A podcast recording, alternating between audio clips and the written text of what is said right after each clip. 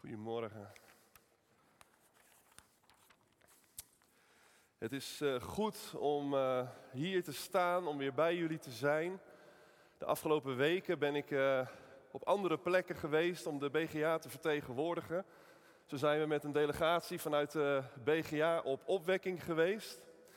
En ondanks de hoosbuien, ondanks de natte tenten, Ondanks de weggewaaide voortent van Bert en Erika. Ondanks het lange, lange wachten in lange, lange rijen. Was het een heel goed weekend. Jan Marcel die ging zondagmorgen zijn auto halen. Heeft anderhalf uur op dezelfde plaats stilgestaan. Die ziet 100 meter verderop zijn voorganger aankomen. In zijn auto stappen en die stond veel strategischer en die reed gelijk weg.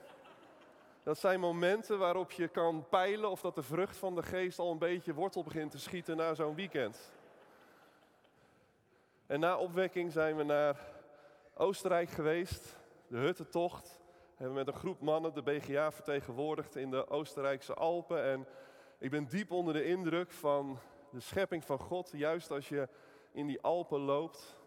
En ik ben diep onder de indruk van de gesprekken en de diepgang die eigenlijk ontstaat het is heel raar, maar je moet mannen eerst drie dagen duizend meter per dag laten klimmen en dan gaan ze praten. Niemand weet waarom, maar uiteindelijk heb je gewoon tijd tekort. En ik ben ook diep onder de indruk van de werking van de zwaartekracht als ik zo'n berg op moet. Maar uiteindelijk zaten we ergens boven op een berg en stonden we even stil bij dat verhaal van Abraham, die de opdracht krijgt om zijn zoon te offeren. Een, een onvoorstelbaar ingewikkeld verhaal, wat onvoorstelbaar ingewikkelde vragen oproept. En uiteindelijk hebben we daar met elkaar een, een soort altaar gebouwd met de stenen die we hadden. En hebben daar, zijn we daar stil bij geweest. Het altaar blijft leeg. Omdat Jezus Christus voor ons de prijs betaald heeft. En toen hebben we dit lied gezongen, Amazing Grace, in de bergen. En ik vond het een heilig moment. Het was mooi om daar uh, deel van uit te maken. En dat is ondertussen een week geleden. Dus het gaat ondertussen wel weer met uh, de pijn in mijn lichaam. Het was alleen, ik had gisteren een, een, wandeltochtje met een groep mannen in Zeeland. Een soort mannendag. En ik moest daar spreken. We zouden acht kilometer gaan lopen. Ik denk, nou dat lukt me wel. Maar er was ergens iets afgesloten en het werden 17 kilometers. Op mijn gimpen, duin op, duin af, duin op, duin af. Dus toen ik gisteravond om half elf op de bank zat, toen had ik weer zo'n moment van waarom doe ik dit soort dingen eigenlijk? Maar goed, de Heer zal er misschien wel doorheen gewerkt hebben gisteren. Ook daar. We gaan verder met ons psalmenproject. Psalm 138 is vandaag aan de beurt. En over twee weken Psalm 150. Halleluja. Met een geweldig doopdienst hier in, uh, in de HKK. En dan hebben we alle 150 psalmen gehad. In podcasts, in preken zijn we door dat hele boek gegaan afgelopen half jaar. En ik hoop dat het uw geestelijke reservoirs gevuld heeft. En vanmorgen Psalm 138, een dankzegging, een lofprijzing. In het Hebreeuws hetzelfde voor God van David. En ik wil hem gaan lezen, Psalm 138. En het is een korte psalm, dus we lezen hem helemaal. Van David. Ik wil u loven met heel mijn hart, voor u zingen onder het oog van de goden. Mij buigen naar uw heilige tempel en uw naam loven om uw liefde en trouw. Grote dingen hebt u beloofd, tot eer van uw naam. Toen ik u aanriep, hebt u geantwoord, mij bemoedigd en gesterkt. Laten alle koningen op aarde u loven, Heer. Ze hebben de belofte uit uw mond gehoord. Laten zij de wegen van de Heer bezingen. Groot is de majesteit van de Heer. De Heer is hoog verheven, naar de nederige ziet hij om en de hoogmoedige doorziet hij van verre. Al is mijn weg vol gevaren, u houdt mij in leven. U verdedigt mij tegen de woede van mijn vijanden en uw rechterhand brengt mij redding. De Heer zal me altijd beschermen. Heer, uw trouw duurt voor eeuwig. Laat het werk van uw handen niet los. Tot zover de psalm. Ik zat op de eerste avond in Oostenrijk, zaten we in een pensionnetje in het dal. En het was avond, het was aan het regenen. De wolken die dreven zo'n beetje rondom de toppen van de bergen. En dan kijk je naar die bergen omhoog. En dan gebeurt er eigenlijk twee dingen. Aan de ene kant denk je dat je, heeft het iets, iets afschrikwekkends, iets bedreigends, die bergen. Je bent blij dat je op dat moment op je balkonnetje van je pensionnetje zit en niet daar ergens in het donker, in de storm, in de regen boven op zo'n berg. Want bergen hebben iets bedreigends aan de ene kant. En tegelijkertijd heeft het ook iets verleidelijks. Iets verleidelijks als je naar die bergen kijkt, dat je ergens diep van binnen dat gevoel hebt van ja, daar wil ik op. Ik wil die berg op. En er is geen logische reden daarvoor, maar dat is wel iets wat dan gebeurt. Je wil er overheen, je wil weten hoe het daar boven is. Je wil zien, je wil proeven hoe het daar is. Bergen hebben iets bedreigends en bergen hebben iets verleidelijks. En als ik David zie staan, die daar dat loflied voor God opheft in het midden van de goden, dan is dat wat bij mij naar boven komt. David die als het ware op een soort plek staat. En ik stel me zo voor dat hij ergens op de middenstip van een soort stadion staat. En om hem heen dat stadion gevuld met alle goden van de wereld. En David die in het midden van dat stadion God de enige, Yahweh, alle eer geeft. Alle dank zegt, lofprijst. Onder het oog van de goden. Onder het oog van bedreiging. Onder het oog van verleiding. Ik ken een verhaal van een man die nogal zwaar bezocht werd in zijn leven. En die op een bepaald moment een stoel had neergezet in de kamer en zei: Duivel, ga zitten. Ik ga God prijzen en jij gaat kijken. Dat gevoel. David die in het midden van dat stadion God prijst onder het oog van de goden. En de goden in Israël die hadden iets verleidelijks aan de ene kant en ze hadden iets bedreigends aan de andere kant. We zien door de geschiedenissen van Israël heen in het Oude Testament, zien we hoe de goden altijd een soort plaats kregen. Er was altijd de verleiding om ze te gaan aanbidden. In een onzeker bestaan was er altijd de verleiding om als het ware op meerdere paarden te gaan gaan wedden om als het ware eh, misschien ook maar iets te offeren aan de Baal. Voor de goede oogst, voor de regen, voor wat er maar nodig was. Ja, de aanbidding aan de enige God ging dan hand in hand samen met de aanbidding van de Baal, van de Astarte, van de afgoden. Er is altijd de verleiding geweest in het oude Israël om de goden te aanbidden. En tegelijkertijd waren die goden ook een bedreiging. Want die volken om Israël heen, die volken die altijd vijandig waren ten opzichte van Israël, die hadden zo hun hemelse vertegenwoordigers, die hadden goden. En als David zijn lied zingt onder het oog van de goden, dan is dat ook die bedreiging van die volken om hem heen, die hun goden hadden. De goden hadden iets verleidelijks en de goden hadden iets bedreigends. En ik denk dat wij dat ergens wel kunnen herkennen. Goden zien er vandaag anders uit, maar ze zijn er wel. Tim Keller die noemt in zijn boek Namaak Goden, noemt hij de afgoden, de, de dingen in ons leven die God gegeven heeft, maar die dan ultiem zijn geworden. God die de goede dingen geeft van een carrière, van bezit, van talenten van datgene wat je is toevertrouwd. En het gegevene krijgt dan de plaats van de gever. Dat de goede dingen die God gemaakt heeft in de plaats komen van de maker. Er is altijd de verleiding in ons leven dat het gebeurt. Dat juist die dingen die tastbaar zijn, die zichtbaar zijn, die dicht bij ons zijn, dat die de plaats in gaan nemen van de Allerhoogste. Het geschapene op de plek van de schepper. Het is de verleiding van de goden. En ook wij kennen denk ik wel die bedreiging. Misschien ervaar je het wel in je klas als je merkt dat je geen aansluiting vindt. Ervaar je je onveilig in de klas waar je bent. En als je ze gewoon in de ogen kijkt, die anderen in de klas, dan valt het wel mee. Maar als je thuis bent, of als je niet zo lekker in je vel zit, of als het vakantie is, dan kan dat een soort groot gaan worden in je hoofd. Dan kan je de dreiging voelen. Ook wij hebben vandaag een weg te gaan in ons leven tussen de verleiding en de bedreiging. Ook wij hebben vandaag ons lied te zingen onder het oog van de goden. En ik geloof dat David in Psalm 138 ook een weg laat zien tussen die bedreiging en die verleiding van de goden. En het eerste wat David volgens mij laat zien als het gaat om de verleiding, het antwoord op de verleiding, is het zijn toewijding aan Yahweh als de enige. David die zegt, ik buig mij naar u in uw heilige tempel. Ik loof u om uw liefde en trouw. Davids antwoord op de verleiding is toewijding aan de enige God in zijn tempel.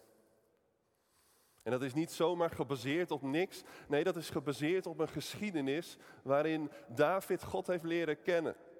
Toen ik u aanriep, heeft u geantwoord. U heeft mij bemoedigd. U heeft mij gesterkt. U bent de God die in het verleden verlossend aanwezig is geweest in mijn leven. En dat is een groot verschil met de goden. Goden brengen je terug in slavernij en God is de God van verlossing. En om uit de macht van de goden te blijven is het nodig dat er toewijding is in aanbidding. Gebaseerd op datgene wat God in je leven heeft gedaan. Het is het antwoord op de verleiding. En in het tweede deel van de psalm zien we Davids antwoord op de bedreiging.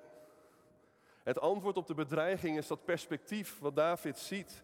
Dat perspectief waarin alle koningen, al die bedreigingen onder de heerschappij van God zijn. Laten alle koningen op aarde u loven, Heer. Ze hebben de belofte uit uw mond gehoord. Laten zij de wegen van de Heer bezingen. Groot is de majesteit van de Heer. De koningen die de belofte uit de mond van God hebben gehoord. En de koningen die verenigd zijn in aanbidding van de enige God. Het is het perspectief wat David heeft. En het is het antwoord op bedreiging. Eens zal elke knie zich buigen. Eens zullen alle machten onder de heerschappij van God zijn. En het is een beeld wat we vaker tegenkomen in het Oude Testament en zeker ook in de Psalmen. Psalm 100, waarin alle volken worden opgeroepen om de Heer, de God, te erkennen als Heer.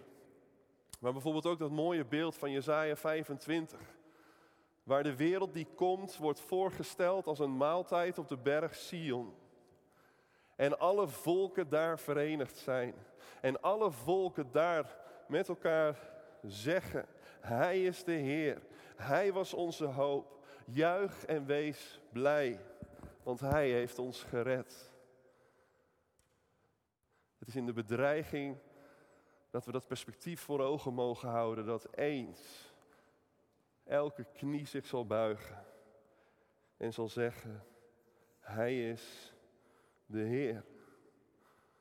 En als David dan zijn weg vindt tussen de verleiding in zijn toewijding aan aanbidding en tussen de bedreiging in zijn perspectief van de wereld die komt, dan zien we in het derde gedeelte van de psalm dat David tot geloofsvertrouwen is gekomen.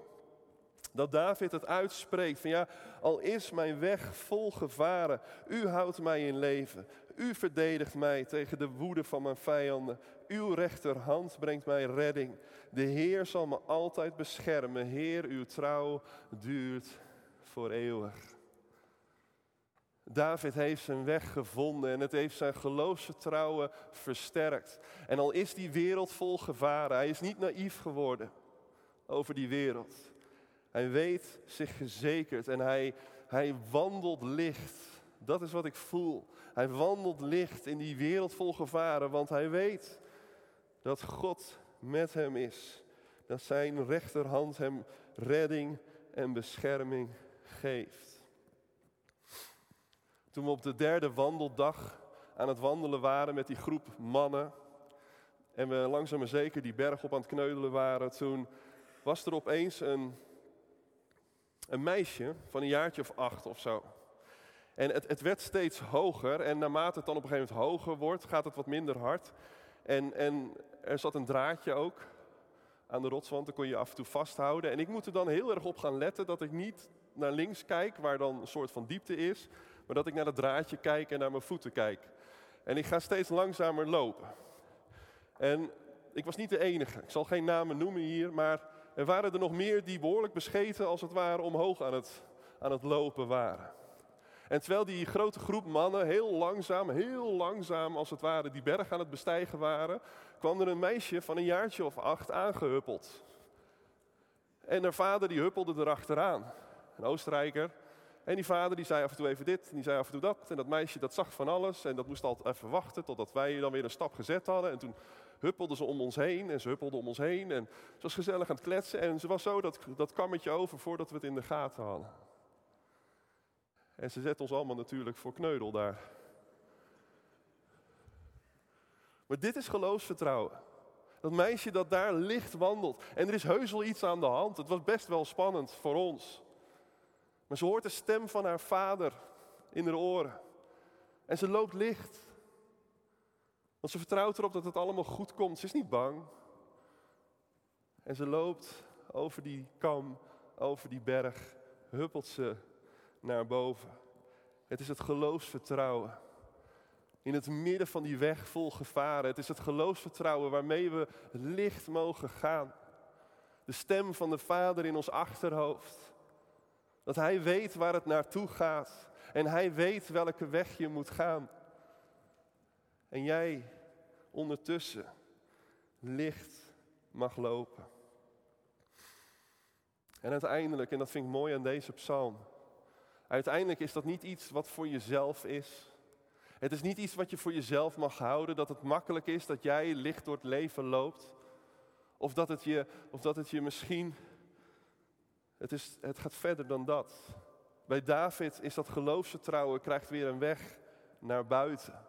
En we zien het terug in die laatste, laatste regel waarin hij dat gebed uitspreekt. Laat het werk van uw handen niet los. David die de weg vindt tussen verleiding, tussen bedreiging, onder het oog van de goden. Een weg vindt in aanbidding van de enige. En het perspectief van de wereld die komt. Die geloofsvertrouwen vindt om licht te gaan. En uiteindelijk daar vandaan, daar vandaan bewogen is met het werk van Gods handen. Bewogen is met de schepping om hem heen. En we beleiden elke morgen, laat het werk van uw handen niet los. We weten dat u het werk van uw handen niet loslaat. En hier, hier is het een gebed, laat het werk van uw handen niet los. Misschien worstel je wel met verleiding vanmorgen. En wil ik je vandaag uitnodigen om in je aanbidding, in je aandacht, in je tijd, in datgene wat je te geven hebt, je toe te wijden aan de enige. De enige God die zichtbaar is geworden in Koning Jezus. In het midden van verleiding is het antwoord om je toe te wijden en je knieën te buigen voor Koning Jezus. En in het midden van de bedreigingen van een onveilige wereld Mag je leven met het perspectief van die wereld die komt. Mag je weten dat uiteindelijk alles onder de heerschappij van God zal zijn. Elke knie zal zich buigen. Elke tong zal beleiden dat Jezus Christus Heer is, zegt Paulus in Filippenzen 2. Het is het perspectief waarmee je mag leven, wat je geloof vandaag mag voeden, waardoor je vandaag licht mag wandelen.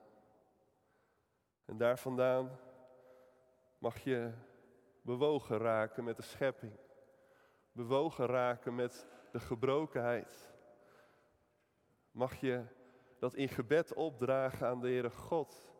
Mag je uitstappen, zoals we gezien hebben bij de mensen hier, die uitgestapt zijn vanuit die bewogenheid in die gebrokenheid. Om daar zichtbaar te maken met je gebeden en met je handen. In de vierkante centimeter van jouw bestaan laat het werk van uw handen niet los. Heere God, laat het werk van uw handen niet los. Als we ons zorgen maken over de Oekraïne, laat het werk van uw handen niet los. Als we ons zorgen maken over het klimaat, laat het werk van uw handen niet los. Als we ons zorgen maken over de verschillende crisissen die zich aan het opstapelen zijn om ons heen, dan mogen we bidden. Laat het werk van uw handen niet los. Mogen het bidden vanuit de beleidenis en het perspectief dat Hij het zal vasthouden. Ik wil graag voor je bidden.